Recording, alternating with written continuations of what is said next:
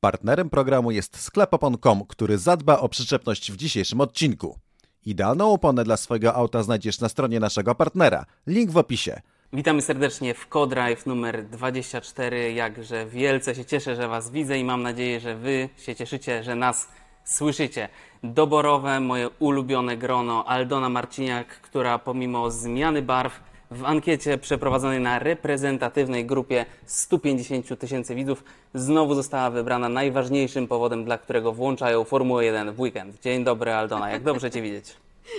Dzień dobry. Jest też Cezary, który ostatnio przeczytał e, książkę historyczną, dowiedział się, co to znaczy Stachanowiec, ale zamiast potraktować to jako ciekawostkę, potraktował to jako challenge i robi teraz tak dużo, że nie można się nawet do chłopa dodzwonić. Dzień dobry, Czarku. Ciebie też dobrze widzieć i słyszeć. Żywego. Zdrawstwój towarzysz, też Cię dobrze widzieć zdrowego i widzę, że okazałego. E, Sri Lanka e, Tobie służy ewidentnie. Tak jest. Nie dość, że zostałem psychofanem Walteriego Bottasa, jego social mediów i wszystkiego, co tam robi, to jestem też y, vlogerem travelingowym.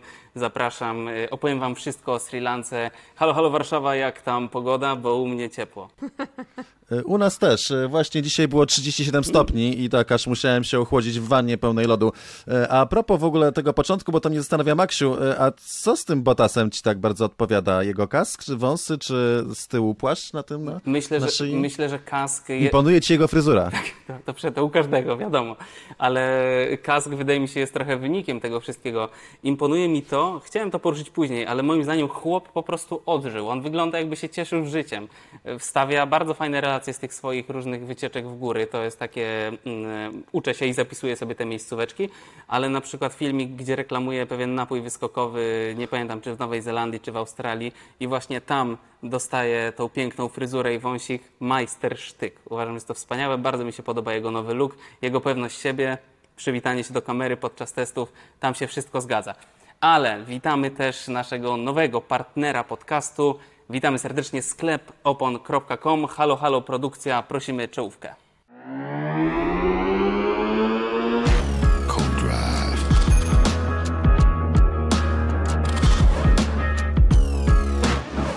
Ja tym bardziej witam serdecznie sklepopon.com i bardzo się cieszę, że będziemy razem e, prowadzić ten podcast. To jest pierwszy partner w ogóle generalnie w historii naszych spotkań, więc myślę, że taki kolejny duży krok dla, dla Codrive'u, dla nas wszystkich, tak więc e, trzymajcie kciuki za to partnerstwo i pamiętajcie, że opony mają znaczenie, a teraz Max, e, over to you.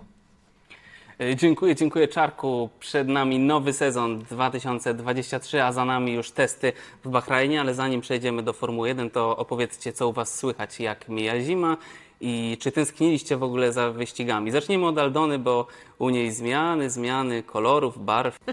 Zmiany przede wszystkim obuwia, e, ponieważ e, szpileczki papa, e, tenisóweczki dzień dobry. Mamy dużo, dużo studia, dużo programów. Będzie dużo stania przy tej okazji w e, Viaplay.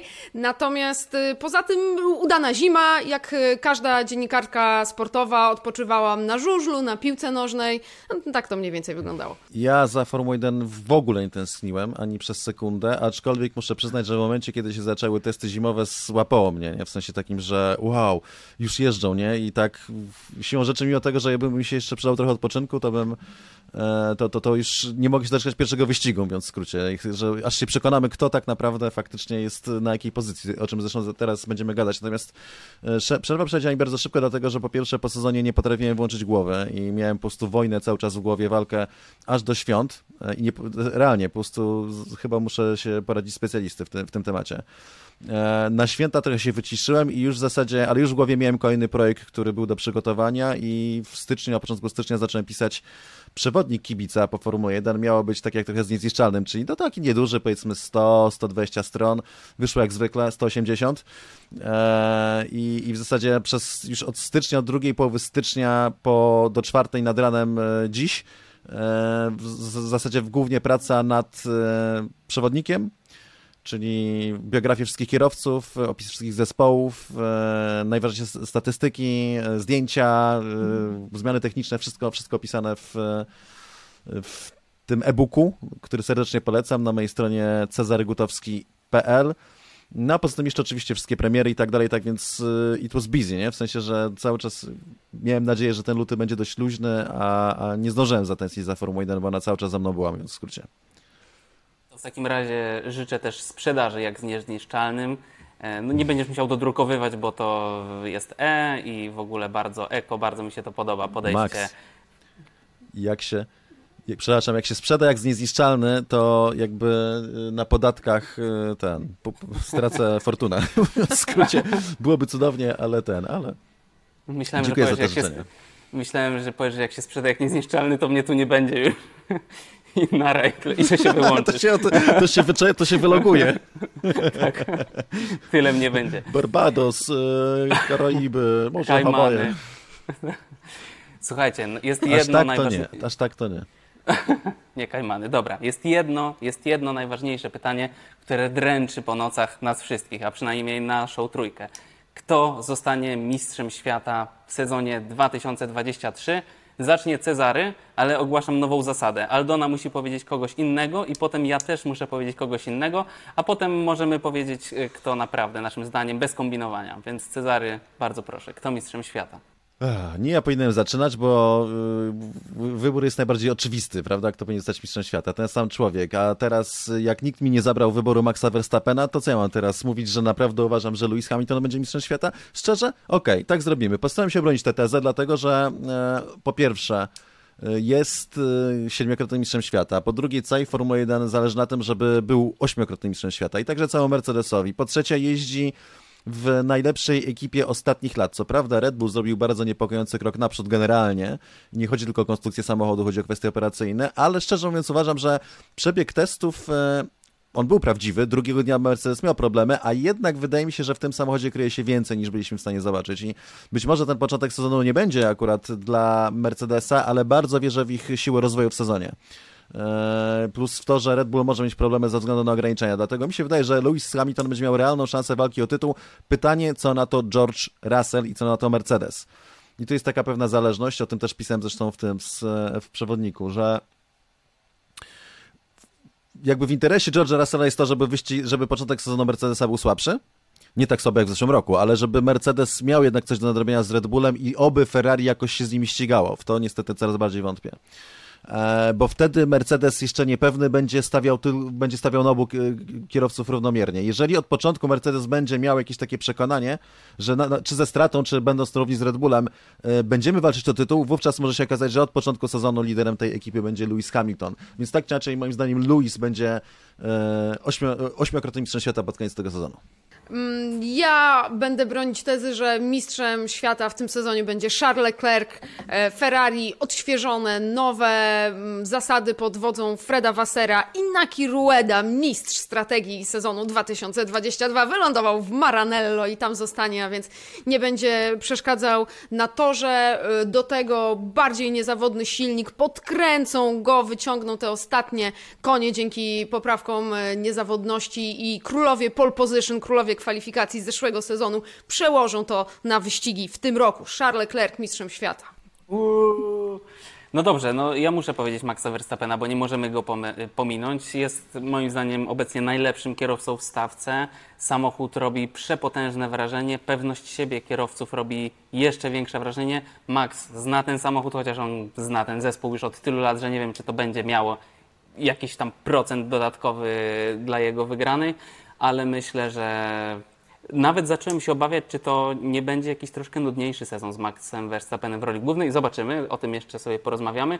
Natomiast Max Verstappen. Ale wiecie co? Jeszcze taki adnotacja, takie pierwsze B. Em, Myślałem sobie o tym, przyszło mi tak do głowy. Na początek Aston Martin nie zachwycał, ale drugiego dnia, trzeciego dnia było coraz lepiej. Y, Też jeszcze pewnie porozmawiamy sobie o Astonie, ale wyobraziłem, wyobraziłem sobie taką piękną historię, gdzie Fernando Alonso po tych wszystkich pechowych przygodach z Ferrari, McLarenem, Alpine zdobywa Mistrzostwo Świata e, w drużynie Strolla. Coś wspaniałego. Len Stroll, nie wiem, któryś tam gdzieś trzeci, ale, ale Fernando Alonso to by było dopiero coś. Jeszcze po tym, jak odszedł Vettel, jaka to by była piękna historia. No, chociaż pewnie. Zobaczymy. Jeżeli bierze... Proszę, proszę.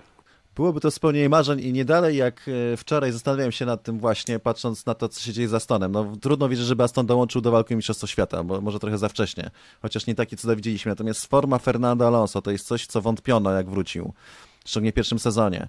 E, I szczerze myślałem, po pierwsze myślałem o Lewisie Hamiltonie. Czy nie jest tak, że po prostu Lewis będzie miał bardzo ciężko walce mistrzostwo, bo mamy nowe pokolenie kierowców, które tak jak wcześniej e, Michael Schumacher, e, a potem Fernando Alonso, po prostu wprowadziło Formułę 1 na wyższy poziom. I dochodzą te młode chłopaki, nie wszyscy, ale duża część, typu Leclerc czy Russell, czy oczywiście Verstappen i oni po prostu miażdżą system. I na tej zasadzie na przykład uważam, że Max Verstappen jest lepszym kierowcą od Louisa Hamiltona, bo jest z tego wyższego pokolenia i wydaje mi się, że Louis nie ma już za bardzo szans podciągnąć pod to, bo jest z tego starszego. A potem sobie myślałem, zaraz, zaraz, a Fernando?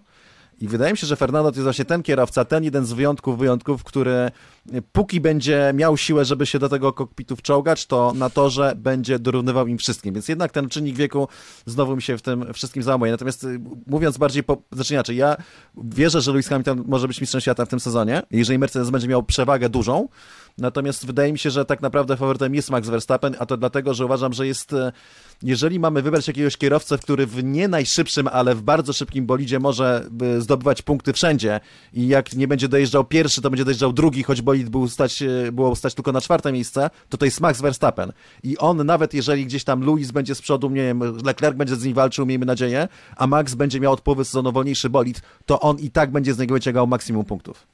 E, ja też uważam, że ja tak jak powiedziałem, Max Verstappen, nic nie będę więcej dodawał. To jeszcze Aldona powiedz, czy wierzysz tak bardzo w Leclerc? Nie, no, Max Verstappen.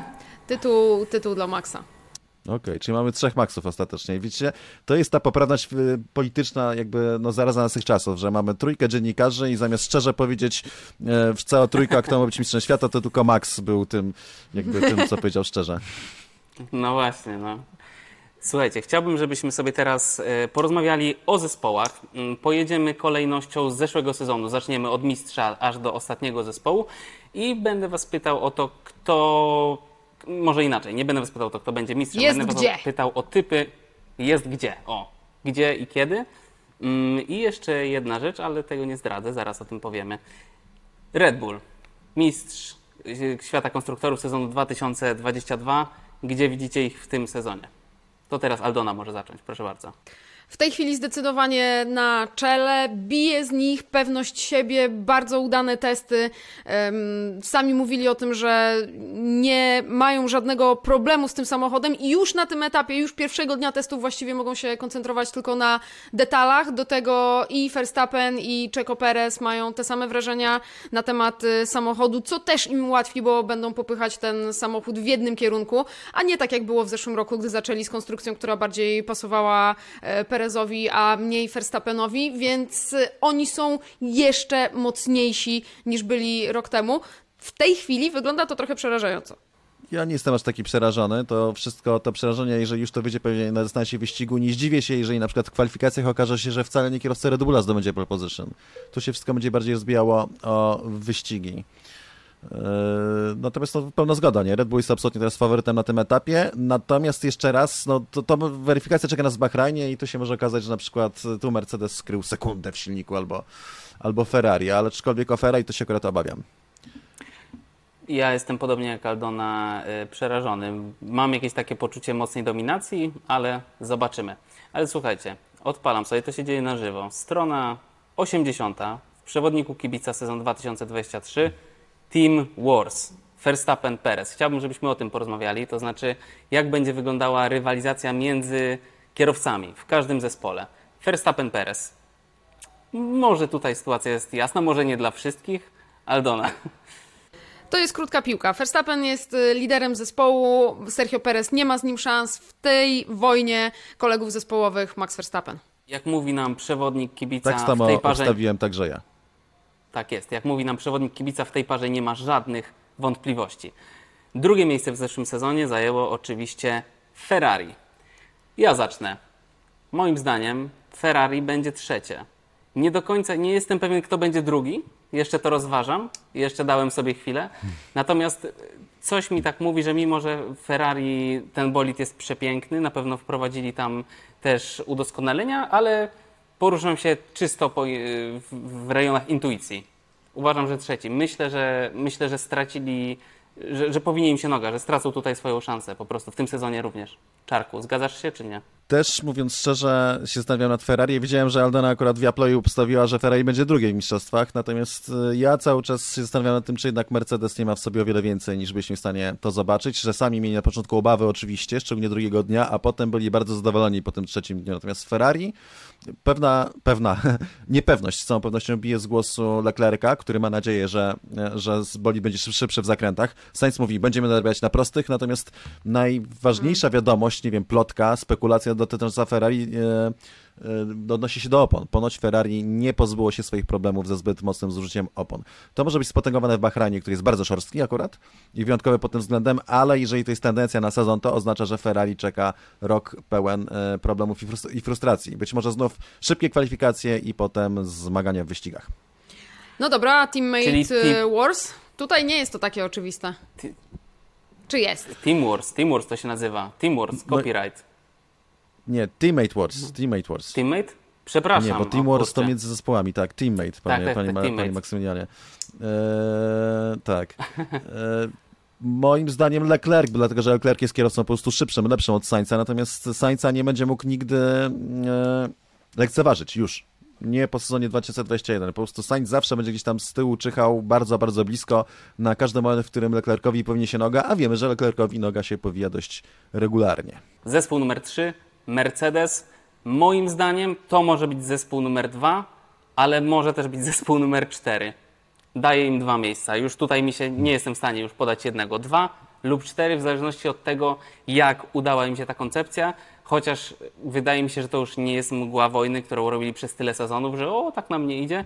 Mam jakieś wrażenie, że to jednak nie będzie ta koncepcja Zero Pod. Hmm, ja ustawiłam Mercedesa w tej chwili na pozycji numer 3, natomiast wiecie, nie brakowało też głosów, że tak naprawdę Mercedes jest gdzieś e, na równi z e, Astonem Martinem e, teraz, więc to może być 3A albo 3B. Rzeczywiście pytanie, co zrobią z rozwojem technologicznym. Mówią o tym, że wprowadzą poprawki do tego samochodu bardzo wyraźne na etapie baku, ale że jednak będą się chcieli trzymać tej koncepcji Zero Sidepods, mimo że zdają sobie sprawę z tego, że to może być, zablokować ich na na bardzo długi czas w konstrukcji, która jest po prostu mniej wydajna. Eee, na razie numer 3. Ja obstawiłem ich u siebie na pozycjach 1-4 w przewodniku, dlatego że i to jest duża, duża rozpiętość, ale to tak naprawdę tak wyglądają wątpliwości względem Mercedesa, właśnie ze względu między innymi na, ten, na tę koncepcję Zero Pods, ale mi się wydaje, że cała ta burza, którą zrobili o podniesienie krawędzi podłogi, Red Bulla nie ruszyła, bo ponoć Red Bull jeździ niżej o 10 mm niż wszyscy inni, natomiast Mercedesowi z całą pewnością pomogła. I mi się wydaje, że Mercedes może nawet zdobyć Mistrzostwo Świata Konstruktorów, niekoniecznie kierowców, bo ma dwóch super dobrych zawodników, ma na bardzo różnym poziomie. Na pewno y, Hamilton i Russell y, razem y, są szybsi od Verstappena i Pereza, jako duet, z całą pewnością. Raz, a dwa, Red Bullowi może nie zależeć do końca na tym, żeby zdobyć Mistrzostwo Świata Konstruktorów w tym roku. Dlaczego? Dlatego, żeby zyskać więcej czasu w tunelu aerodynamicznym w przyszłym roku. Timurs w Mercedesie.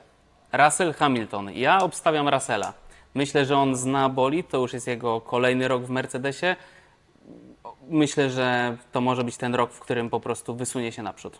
Ja obstawiłem e, Hamiltona akurat. Znaczy uważam, że w tym duecie e, wracam do tego jeszcze, myślę, że ze względu na szacunek do mistrza, e, a być może, nie wiem, pewne obawy przed byciem zamordowanym przez jego fanów wielkich, e, być może, plus przede wszystkim brytyjska jakby propaganda tak zwana, ona tego nie chciała w żaden sposób uwypuklać. Natomiast jak już się na spokojnie zastanowiłem nad tym sezonem, minęło kilka tygodni i się po prostu zacząłem myśleć o tym i rozmawiać z ludźmi, co się wydarzyło, to nie da się w żaden sposób wytłumaczyć e, tego, że Russell aż tyle rzeczy zrobił lepiej od Hamiltona w zeszłym roku. Tym, że nie wiem, że Louis bardziej ryzykował, że tutaj szedł, wie, wiecie, że to poświęcenie w rozwoju. Russell też rozwijał bolid.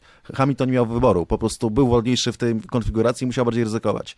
Więc e, przewaga Russella w mistrzostwach to jest jedna rzecz i okej, okay, ona była duża, ale sama w sobie jeszcze tyle nie wnosi. W drugiej połowie sezonu to Russell zdobył pole position, to Russell wygrał jeden wyścig dla Mercedesa.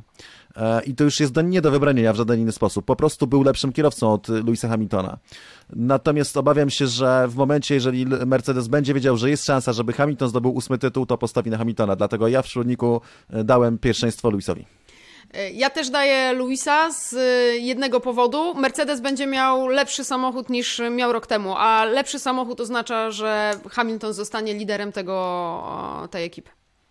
Jest jeszcze takie, takie zjawisko, że Luis E, po prostu bryluje w bolidzie, który dobrze jeździ. W sensie, że jak bolid mu nie leży, to radzi sobie słabo, mówiąc w skrócie, bo taka prawda, ale jak bolid mu leży, nawet nie musi być najszybszy, to wtedy pokazuje te swoje 110%. Więc faktycznie lepszy bolid, lepiej prowadzący się, to też będzie ten czynnik, który może przechylić szale na rzecz Louisa Hamiltona. Tak bardzo jak uważam, że George Russell jest kierowcą od niego nie, lepszym to nie powiem, bo to było naprawdę grube. Russell wygrał tylko jeden wyścig, a Louis 103 ale że jest kierowcą z całą pewnością od niego nie gorszym. O.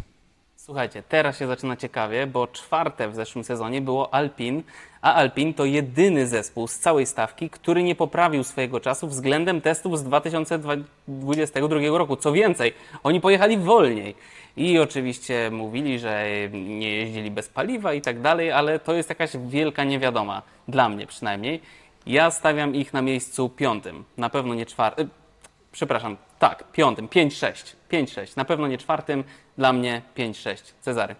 Yy, faktycznie nie za dobrze wyglądają te czasy okrążeń, nawet jeżeli w testach się nie jeździ na prędkość, to jednak one są niepokojące, ale oni mają takie, wiecie, dziarskie minki, bo, bo jedzą witaminki czy coś takiego, ale w każdym razie tam nie ma żadnego przejawu objawu, nie wiem, obaw. Czy to w Okonie, czy to w Gaslim, który twierdził, że to najlepsze w jego przygotowania do sezonu i Alpin bardzo ładnie wygląda, w sensie ładnie y, mam na, tym, mam na myśli to, że wygląda na bolid naprawdę bardzo dopracowany i oni byli z niego bardzo zadowoleni. Na, na, na przykład jak McLaren pokazał swój bolid, to od razu było widać, że nie są. Andrea Stella mówił o tym między wierszami co drugie zdanie. Alpin było zadowolone z, z, tego samochodu, więc ja wierzę, że Alpin stać nawet na to. Inaczej, wydaje mi się, że jest możliwe, że ktoś spenetruje pierwszą trójkę. Że ktoś z niej wypchnie albo Ferrari, albo Mercedesa. P raczej Ferrari bym obstawiał. I jedną z tych dwóch ekip, moim zdaniem, jest Alpin. Więc dla mnie Alpin między trzecim, chociaż w przewodniku obstawiłem, że czwartym, ale między trzecim a szóstym miejscem to jest pozycja do Alpina ten sezon.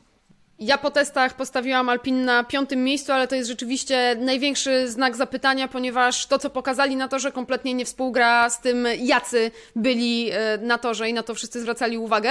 Tutaj e, ciekawe teammate e, wars, ponieważ francuski skład już nie zabierają sobie dziewczyn nawzajem, już topór wojenny zakopany, przynajmniej oficjalnie. No ciekawa jestem, co tutaj obstawicie. E moim zdaniem trzeba obstawiać Okona, dlatego że Okon po prostu lepiej zna zespół. Moim zdaniem jest na bardzo podobnym poziomie do e, Gastiego. Natomiast to, co wydaje mi się wszyscy obstawiają, to to, że oni się wezmą za łby dość szybko, bo po prostu jest tam jakaś kolizja charakterów, a do tego jeszcze Okon jakby jeszcze z żadnym kolegą z zespołu się dobrze nie dogadywał, bo takich traktuje na torze, tak więc to, co najbardziej obstawiam, to to, że prędzej czy później dziewczyny zaczną ciągnąć za włosy i, i drapać gdzieś w okolicach oczu. No dobra, słuchajcie, skoro jesteśmy przy tym temacie, to czy uważacie, że Pierre Gasly się wypunktuje i straci któryś z wyścigów?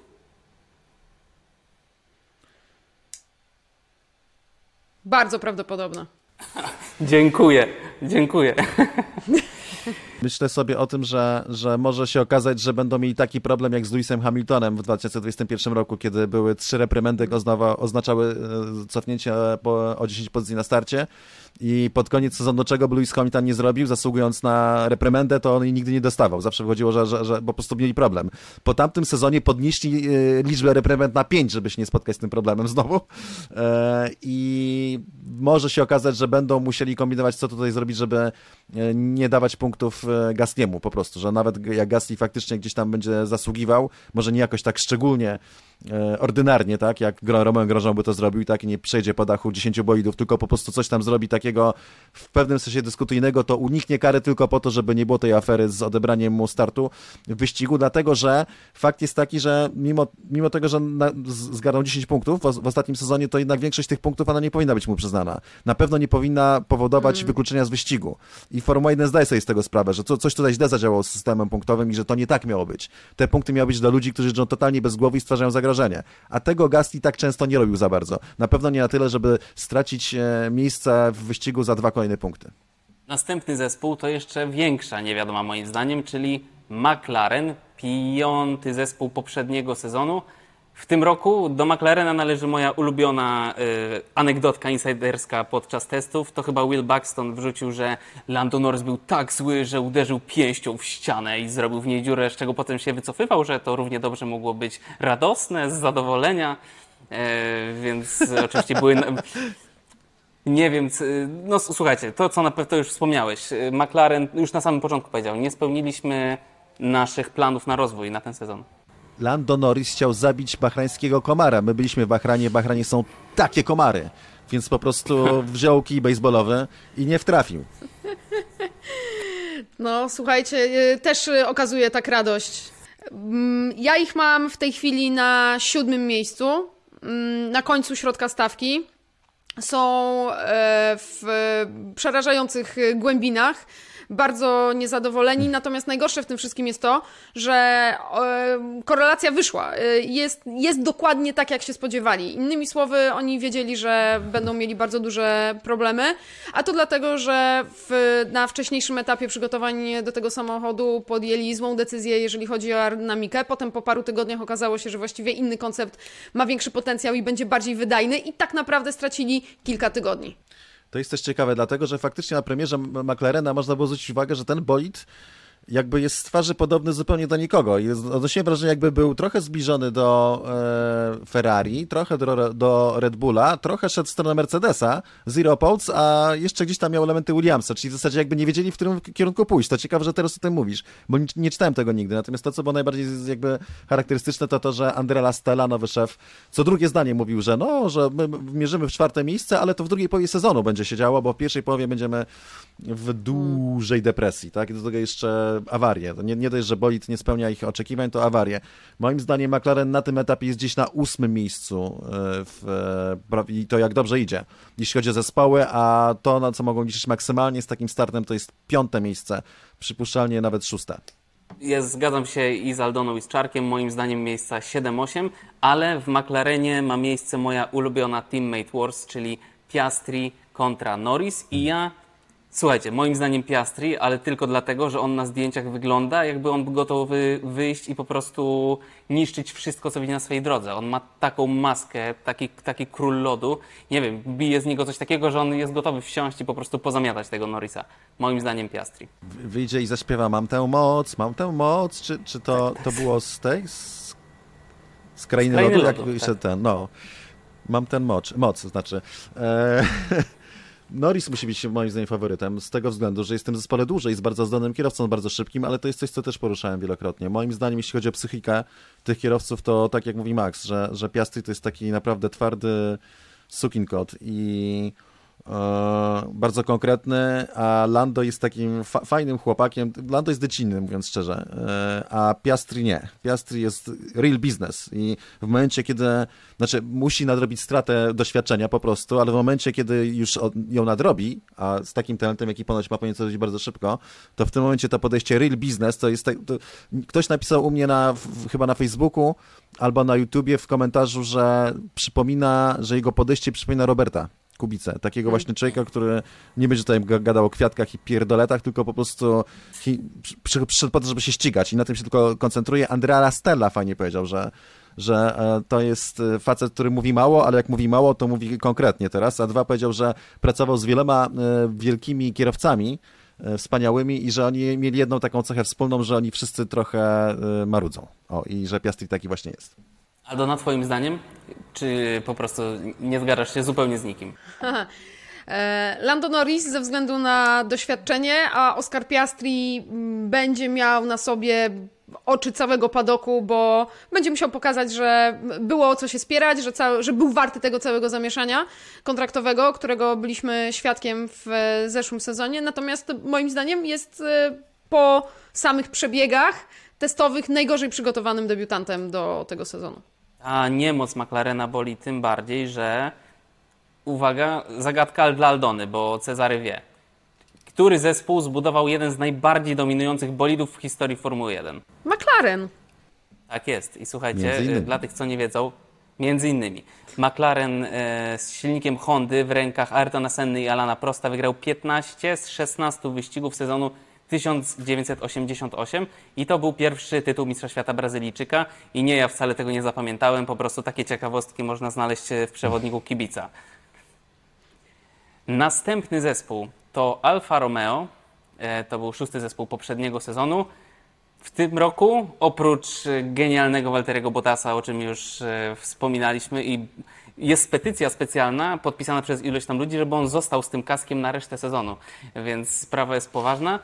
Oni wydają się na zadowolonych z siebie. Obaj kierowcy powtarzają, że bolid jest dużo lepszy niż w zeszłym, sezonie, oczywiście.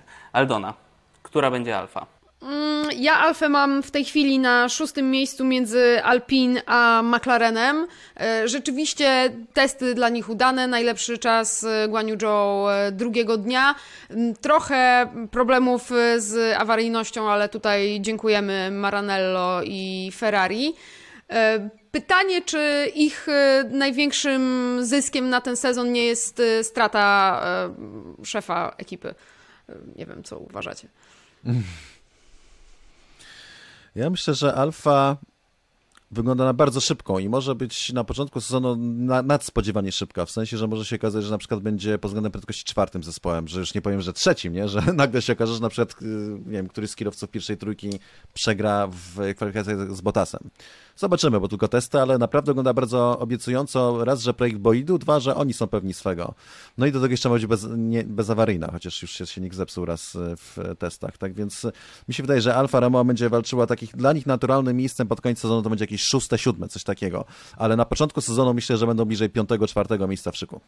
Teammate Wars, Bottas, Joe, czy macie jakąkolwiek wątpliwość? Ja nie. Bottas. Dla tych, którzy nas y, słuchają, wszyscy pokiwaliśmy głowami, nie mamy wątpliwości. Walteri Bottas. tak, ale jest jeszcze zagadka Guan Yu Zhou. W takim sensie, że no bo on ma fatalny sezon za sobą. Ja myślałem, że coś po chińsku powiesz. Shin Chong Han. Nie, bo, bo to teraz to jest rasizm, zaraz tak nie wolno, nie? Bo obraziłem pół Chin pewnie. To przepraszam. Pół, pół Chin to miliard ludzi. O, widzicie, jakie mamy zasięgi? Eee, Guan Yu, e, no, słabo sobie poradził patrząc na punkty. Miał co prawda dużo problemów technicznych i awarii, no ale szczerze, 10,9% punktów zdobył e, całego zespołu. To jest największa dysproporcja między kolegami z ekipy. W zeszłym roku to nie był e, Ricardo i Norris, tylko to był Bottas i Joe. No ale z drugiej strony, wiecie, najlepszy czas w testach drugiego dnia i jednak, no, to jest zagadka wielka, nie? W sensie, że on jeszcze wszystkiego nie pokazał. Moim zdaniem to jest kierowca, on jest bardzo grzeczny, bardzo kulturalny i taki, wiecie, ułożony i miły i fajny. Grzeszni chłopcy nie wygrywają, mówiąc w skrócie, ale bywają szybcy. Więc yy, zastanawiam się, czy ten tragiczny tak naprawdę sezon poprzedni, e, mimo że był debiutantem roku, z braku debiutantów, e, czy on się nie poprawi w tym drugim sezonie znacznie, czy nie będzie po prostu bliżej e, Bottasa. Natomiast nie wierzę, że będzie w stanie Bottasa wyprzedzić. Następny zespół Aston Martin, czyli zespół, który no chyba zszokował, no dobra, nie będę używał słowa zszokował, zaskoczył wielu widzów i szefów zespołu i kierowców. Ja obstawiam Astona Martina na miejscach 2-4. Wyczuwam tutaj jakąś wielką niespodziankę, chociaż jest ten to słabsze ogniwo w postaci Lansa Strolla, bo o Alonso się nie martwię i o ewentualne, czy, czy może Felipe Drugowicza, bo kto to tam będzie jeździł, to zobaczymy, przynajmniej na początku. Mm, dla mnie 2-4. Trzymam za nich kciuki Cezary Gutowski. Aston Martin, miejsce numer ja też trzymam bardzo kciuki i wierzę w Astona i pisałem o tym podczas premiery. Mówiłem też na YouTubie, że coś mi mówi, że ten zespół naprawdę, no, że zeszły rok nie pokazuje ich prawdziwego potencjału. Wierzę w Lorenza Strolla, jest no, mega łebskim facetem. No i wierzę w Fernando Alonso. I oni są z siebie bardzo zadowoleni. Natomiast no, myślę, że Aston jest jednym z dwóch zespołów, który może zakończyć sezon w pierwszej trójce, w sensie, że na trzecim miejscu. Aston albo Alpin ciągle się zastanawiam, prawda, bo to jest to znak zapytania. Natomiast bardziej niż Aston wydaje mi się, że będzie chodziło o kierowców, czyli Fernando Alonso jest kierowcą, który może wejść, dajmy na to, nie wiem, do pierwszej szóstki albo piątki kierowców pod koniec Mistrzostw Świata. Czyli mu będzie musiał wypnąć jakiegoś kierowcę, nie wiem, albo Ferrari, albo Mercedesa, w co wątpię akurat, albo w Red Bulla. I wierzę, że Fernando jest w stanie to zrobić, jeżeli Bolt nie będzie się, się psuł i będzie wystarczająco szybki. Aston w całości z Lansem Strollem, który dodajmy jeszcze, że tak, ponoć złamał oba nadgarstki na rowerze, no to Lans będzie słabością, jeśli nie będzie tyle punktował co Fernando Alonso, więc y, sumarycznie może być właśnie to czwarte, piąte miejsce w mistrzostwach. Ja w tej chwili mam e, Astona na czwartym miejscu. Rzeczywiście największa niespodzianka in plus. E, Fernando Alonso e, mówił tylko o jednej ciekawej rzeczy i to na to bym chciała zwrócić uwagę, że tak naprawdę przez to, że Strola nie ma na testach, a on jest nowy w zespole, to oni nie do końca mają punkt odniesienia, nie mają dobrych referencji do tego, co było w zeszłym sezonie. Zastanawiam się, jak to wpłynie na ten początek sezonu. No ale tak czy inaczej wygląda na to, że wielki Nando nigdy się nie skończył. Jest, wrócił. Teammate Wars, Fernando Alonso i Lance Stroll. Dla mnie oczywistość. Wielki Fernando. Czy obstawiacie inaczej? Nawet jeżeli Stroll pojedzie w pierwszym weekendzie. Na rowerze? Może tak, ale Fernando też ostro trenuje na rowerze, więc też wątpię, żeby na rowerze był go w stanie doścignąć. Formuła 1, no jeżeli się nie okaże, że y, Aston jest tak naprawdę ostatnim zespołem i jakimś cudem we freak wyścigu się okaże, że Lance się znalazł na pozycji czwartej i zdobędzie punkty jedyne w sezonie, no to nie widzę możliwości, że mógł pokonać e, Alonso. Przed nami najlepszy według niektórych, a na pewno mój ulubiony zespół, Wielki Has, który wszystkich boli. E, mówiąc szczerze, tak jak na początku zeszłego sezonu, te, na początku zeszłego sezonu miałem duże dużo, ojejku, dużo pozytywnej energii. Pojechali zaskakująco dobrze, tam się, no i faktycznie pierwsze wyścigi sezonu to pokazały, były doskonałe miejsca jak na Hasa. Tak w tym roku jakoś tak cicho, no najbardziej zapadł mi w pamięć y, ten ich y, domeczek przy pit lane, więc nie wiem, czy to dobrze. Trzyosobowy, na którym, uwaga, rzekomo oszczędzają 250 tysięcy dolarów rocznie. Także mm, może inni też o tym pomyślą. Aldona, y, który, a no ale przepraszam, powiem, moim zdaniem has będzie gdzieś tak na miejscach 7-10, no powiedzmy, że 7, szczęśliwa siódemka. Go has. Aldona, który będzie has tam w Twoich notatkach? Ja w tej chwili Hasa mam na ósmym miejscu.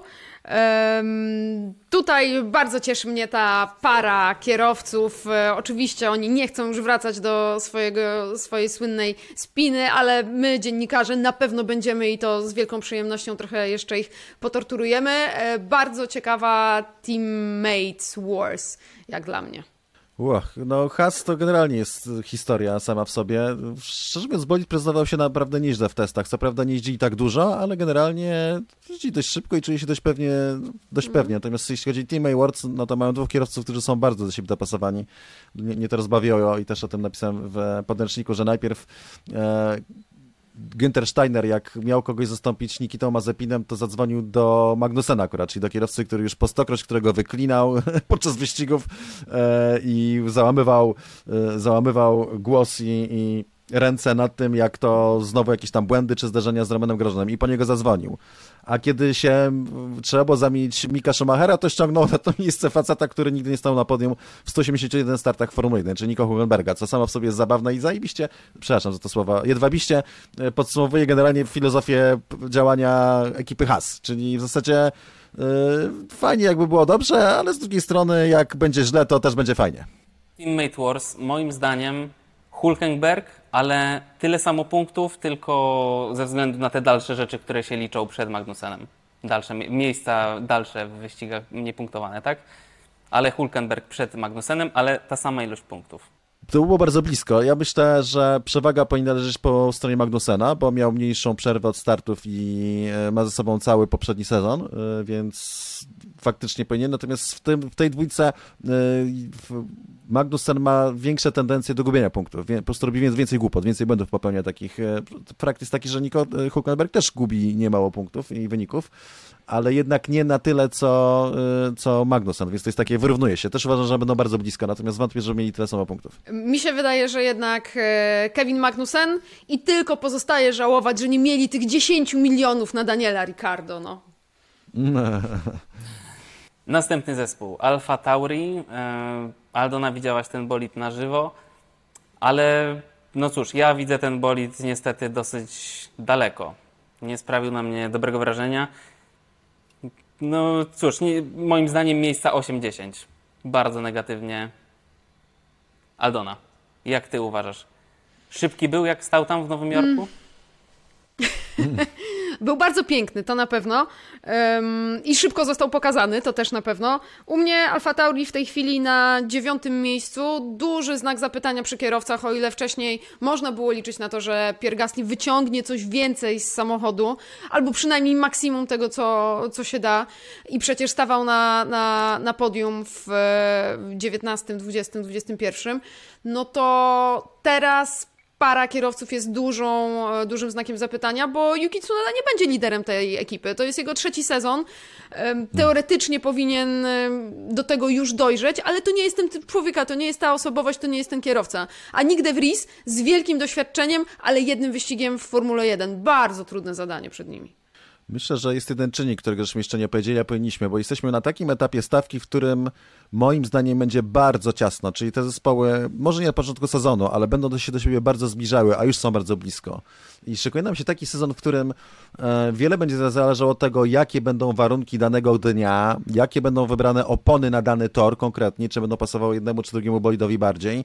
I kluczowa rzecz to, jak będą jeździli kierowcy. Więc mi się wydaje, że tak naprawdę kolejność w tym środku stawki w dużej mierze będzie się opierała o, o, o to, jak stabilne i mocne będą składy tych zespołów.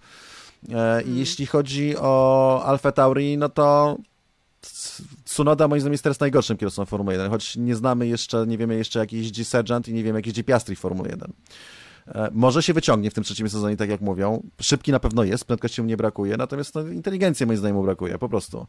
Więc e, no, on będzie kładł Alfa Tauri, a w drugim samochodzie jest z kolei debiutant, tylko że bardzo mocny, który musi moim zdaniem pokonać teraz E, Tsunoda. Myślę, że Alfa Tauri faktycznie w ostatecznym rozrachunku jest takim kandydatem na miejsca między 8 a 10, zgadzam się z wami. Natomiast Has, bo to, tam nie powiedziałem, myślę, że Has, kto wie, może nawet szóste miejsce, ale mi się wydaje, że bardziej 7-9 to będzie ich e, zasięg.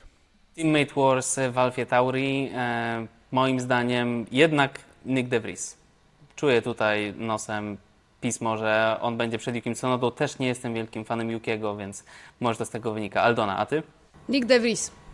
I De Vries po raz trzeci, co może dziwnie brzmieć, dlatego że dla Tsunody to będzie trzeci sezon Formuły 1, a De Vries, dla De Vriesa pierwszy, ale no szczerze, po tym co pokazał Yuki w ostatnich latach, raz a dwa, debiutując w Formuły 1 w wieku lat 28, De Vries musi wejść, po prostu musi to potwierdzić z grubej rury, pokonując od razu Tsunodę. Ostatni zespół poprzedniego sezonu i czy ostatni zespół również tego sezonu, chociaż tak jak Alpine pojechało wolniej w testach niż w zeszłym roku, tak Williams poprawił się ona i więcej, o prawie 2,4 sekundy. Moim zdaniem miejsca 90. Szczerze mówiąc, nie mam bladego pojęcia. Może jeszcze wyskoczył jak królik z kapelusza, chociaż nie sądzę, ale 9, 10, tak obstawiam. Cezary? Williams był na pewno na, w pierwszej fazie testów był niespodzianką. Wiadomo, że czasy się nie liczą, ale szczerze trochę się liczą. E, raz, a dwa, chociażby ze względu na wrażenie. Raz, a dwa, no owszem, one nie są jakby kończące, ale pewnych rzeczy na pewnym etapie nie zrobisz, jak nie masz dobrego bolidu, mówiąc w skrócie. Dobre przebiegi, dobre czasy, yy, dobry humor, taki umiarkowany optymizm Aleksandra Albona już po dniu filmowym, Wydaje mi się, że Williams ma potencjał i też dobrze wygląda bardzo ten bolid, że Williams ma potencjał, żeby się wbić w środek e, właśnie tej e, grupy środka stawki. Tylko znowu dochodzi ten czynnik właśnie w rywalizacji, że będzie tak ciasno, że, że się będzie wiele zmieniało. Myślę, że Williamsa stać na awans na ósme miejsce w Mistrzostwach Świata Konstruktorów, być może nawet siódme. Więc ja, ich, ja bym ich obstawiał teraz tak na zdrowy rozsądek, może dość szeroki zasięg, ale między siódmym a dziesiątym miejscem w Mistrzostwach. Mm, ja mam ich w tej chwili, zerkam na swoje e, notatki e, tajemnicze na dziesiątym miejscu, natomiast e, jedno wydaje mi się pewne. To nie będzie Williams, który będzie odstawał od reszty stawki, to będzie Williams, który będzie w grze. Generalnie żaden zespół nie odstaje dramatycznie, więc w zależności od warunków, tak jak mówił Cezary, w zależności od toru, od opon, od sytuacji dnia, ten tył stawki będzie się miksował, ale tam wszyscy są w grze. Są dużo bliżej siebie niż byli. A jeśli chodzi o Teammate Wars, to czy dajecie jakiekolwiek szanse Loganowi Sergeantowi? To jest jego pierwszy sezon. Albon nie jest złym kierowcą przecież. Moim zdaniem Albon. Cezary? E, no też uważam, że należy stawiać na Albona. Bo jest już doświadczony, jest szybkim kierowcą, jest błyskotliwy, naprawdę potrafi, no jest po prostu umie jeździć chłopak. Natomiast Sergeant jest wielką nie wiadomo coś, a nuż się okaże, że no bo on jakoś nie brylował za bardzo w kategoriach juniorskich, ale no, nie, nie, nie mam czasu śledzić na tyle dobrze, żeby się dopatrywać tego, czy to jest dlatego, że, że po prostu takim jest kierowcą, czy dlatego, że tak jest traktowany w seriach juniorskich. To, to dopiero wychodzi w Formule 1, więc e, no, jest, Sergeant jest nie wiadomo. Trzeba, należy obstawiać Albona. Jeżeli Sergeant pokona Albona w pierwszym sezonie, to będzie miał miejsce w Formule 1 na długi czas. Słuchajcie, to są wszystkie zespoły. Zanim przejdziemy jeszcze do wyścigu, do Grand Prix e, Bahrainu, to na sam koniec. E, pytania od naszych wspaniałych widzów. Pierwsze pytanie z dedykacją dla Cezarego, mimo że nie jest tylko do niego. Mati hmm. Ciechan 5060. Co byście powiedzieli na powrót Toyoty do F1? Cezary, jak by się nazywał ten, e, jakie miałby naklejki? E, nie wiem, jakieś pewnie czerwone. Gazu, Toyota, F1 Team. No mi się wydaje, że e, hmm, Toyota rządzi teraz WRC i to w zasadzie od e, kilku lat. Jednakowoż WRC, nic nie mówiąc, to jakby bardzo daleko odbiega poziomem od, od Formuły 1, jeśli chodzi o sposób zaangażowania, technika i tak dalej. To jest po prostu no, cały czas wiele kategorii, o wiele, wiele niżej pod tym względem. E, I też inne cele fajnie było zobaczyć kolejny duży koncert Formuły 1, tylko nie wiem, czy to jest akurat y, dla Toyoty generalnie dobre, do, dobre jakby okno promocyjne, dlatego że Toyoty są samochodami takimi, są naprawdę dobrymi autami, dobrymi, chociaż przereklamowane moim zdaniem. E, natomiast bez jakiegoś takiego polotu, nie? To są raczej nudne samochody. Mają, znaczy mają jakiś tam w zasięgu w garażu takie czy inne modele, które powiedzmy trochę bardziej ta Supra, dajmy na to, czy... No chyba, że Prius. E, czy moja ulubiona GT86, świetny samochód akurat, no to jeszcze GR Yaris jeszcze dajmy na to, ale co do zasady taka normalna Toyota dla normalnego, inaczej, no, no, moim zdaniem normalny klient kupujący Toyotę to jakby w Formule 1 widzi tylko jakichś ludzi, co bez sensu jeżdżą w kółko i hałasują. To jest moim zdaniem klient Toyoty. Natomiast trzeba pamiętać, że Toyota ten, wydała jakieś 2 miliardy na starty w Formule 1, e, aby nie wygrać żadnego wyścigu, więc po czymś takim wątpię, żeby się garnęli, żeby wracać znowu, nawet jeżeli Formuła 1 teraz będzie o wiele tańsza. No właśnie, ponieważ e, Toyota miała to do siebie, że lubiła palić pieniądze. Wyobraźcie sobie, że 15 lat temu wydajesz na sezon 450 milionów dolarów. W sytuacji, w której na ten sezon masz e, budget cap 135. 450 milionów dolarów 15 lat temu. To były nieprawdopodobne pieniądze. Tak jak Cezary mówi, łącznie spalili 2 miliardy dolarów e, tylko po to, żeby stanąć na podium 13 razy, ale ani razu nie wygrać wyścigu. Więc jeśli mają taką kasę, to zapraszamy, możemy palić w tym piecu. Tylko po co? Ja oczywiście wiem, że wzbudzę teraz pogardę y, mojego kolegi z zespołu Codrive, bo ja na przykład lubię Priusy, a oglądam Formułę 1 i nie uważam, że jeżdżą w kółko jak y, głupki, więc bardzo proszę. Szybko przechodzimy do następnego y, pytania. Wojtos 2110. Zaczyna się pytanie Cześć Cezary, ale uznam, że jest do nas wszystkich. To jak to możliwe, że skoro na sceny Toto Chodzi o te sceny ujawnione i które możecie już sami zobaczyć e, w Drive to Survive, kiedy Toto tłumaczy podniesionym głosem, pełnym emocji, że to jest walka o zdrowie kierowców. Jeżeli komuś się coś stanie, to on będzie pierwszym, który pójdzie i będzie szukał sprawiedliwości, a wszyscy szefowie, e, używając niecenzuralnych słów, podśmiewują się z niego. Więc to takim tytułem e, wprowadzenia że skoro na sceny Toto nie nabrali się ani szefowie, ani delegat techniczny FIA, ani ty i inni dziennikarze, ani sporo innych zwykłych widzów, to dlaczego to zadziałało? Czy rzeczywiście za sterami tego wielce prestiżowego sportu siedzą osoby bardziej naiwne od przeciętnego kibica i których można mamić jak dziecko? To tak nie działa. Jest to dość skomplikowany mechanizm. Po pierwsze, nie wszyscy dziennikarze, tylko yy, nie wiem, na etapie, kiedy to się zaczęło, jestem jedynym dziennikarzem, jakiego z nami zauważyłem, który od razu powiedział o co chodzi. A dopiero teraz to jest przyjmowane za oczywistość, więc nie wszyscy dziennikarze się dali nabrać. Nie, znaczy nie dali nabrać.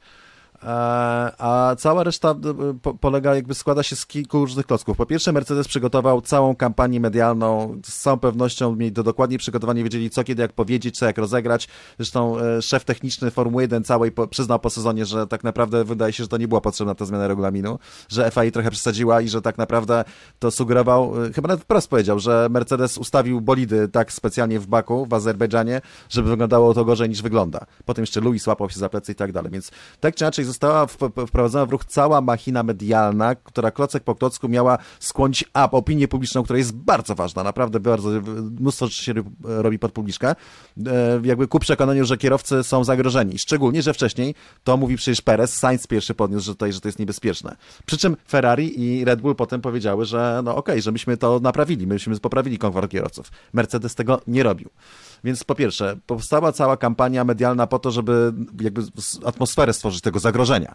Tak się ludzi nakręca na różne dziwne rzeczy.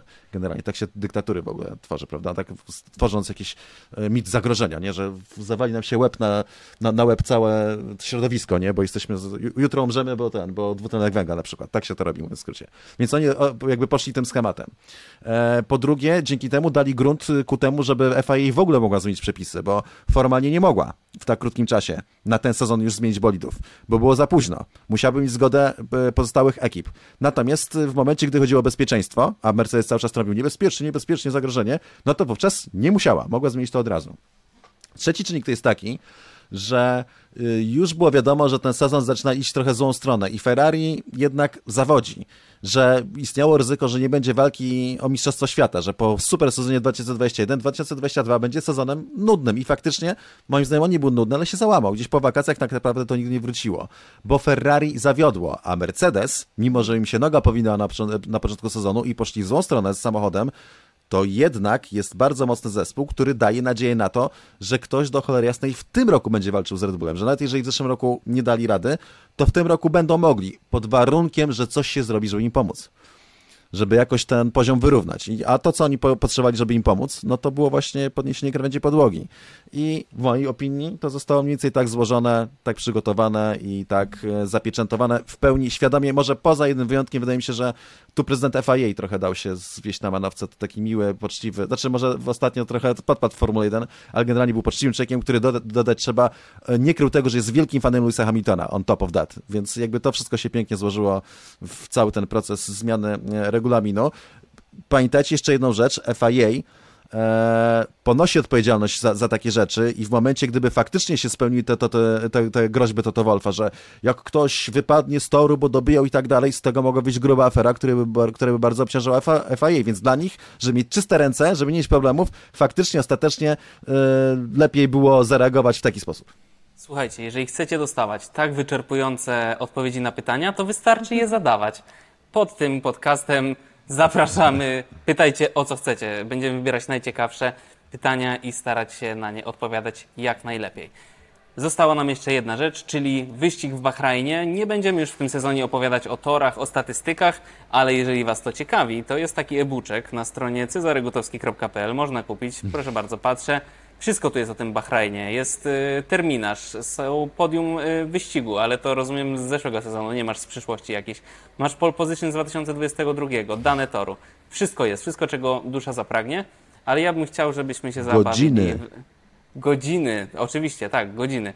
E, cały terminarz, ale zaraz, terminarz w, cza w, czasie polskim, rozumiem, tak, w czasie polskim, czyli nie musicie przeliczać, to nie czas toru, tak, tylko czas tak. polski. Mm, zabawmy się we wróżbitów i wróżki. Pierwsza trójka wyścigu o Grand Prix Bahrajnu. Proszę bardzo, pani Aldona Marciniak, miejsca numer 1, 2 i 3. Max Verstappen, Lewis Hamilton, George Russell. To zawsze jest ten czynnik e, awaryjności, tak? Że może się okazać, że tak jak na przykład w zeszłym roku mm. Verstappen mógł wygrać ten wyścig, nie byłoby łatwo, ale mógł wygrać, a nie wygrał. Więc nie wiadomo, co się tu wydarzy, ale ja bym obstawił Max Verstappen, Sergio Perez, Lewis Hamilton. Ja obstawiam Max Verstappen, Sergio Perez, Fernando Alonso i niech się dzieje wola nieba. Mam nadzieję, że tak będzie. Bardzo, ba, bardzo, bardzo się cieszę, że bardzo, bardzo się cieszę, że spotkaliśmy się wreszcie po tej przerwie. Czekałem na to z utęsknieniem. Słyszymy się przed następnym wyścigiem. Dziękuję Wam jeszcze raz za dziś. Formuła 1, powracaj. Thank you, thank you. Thank you.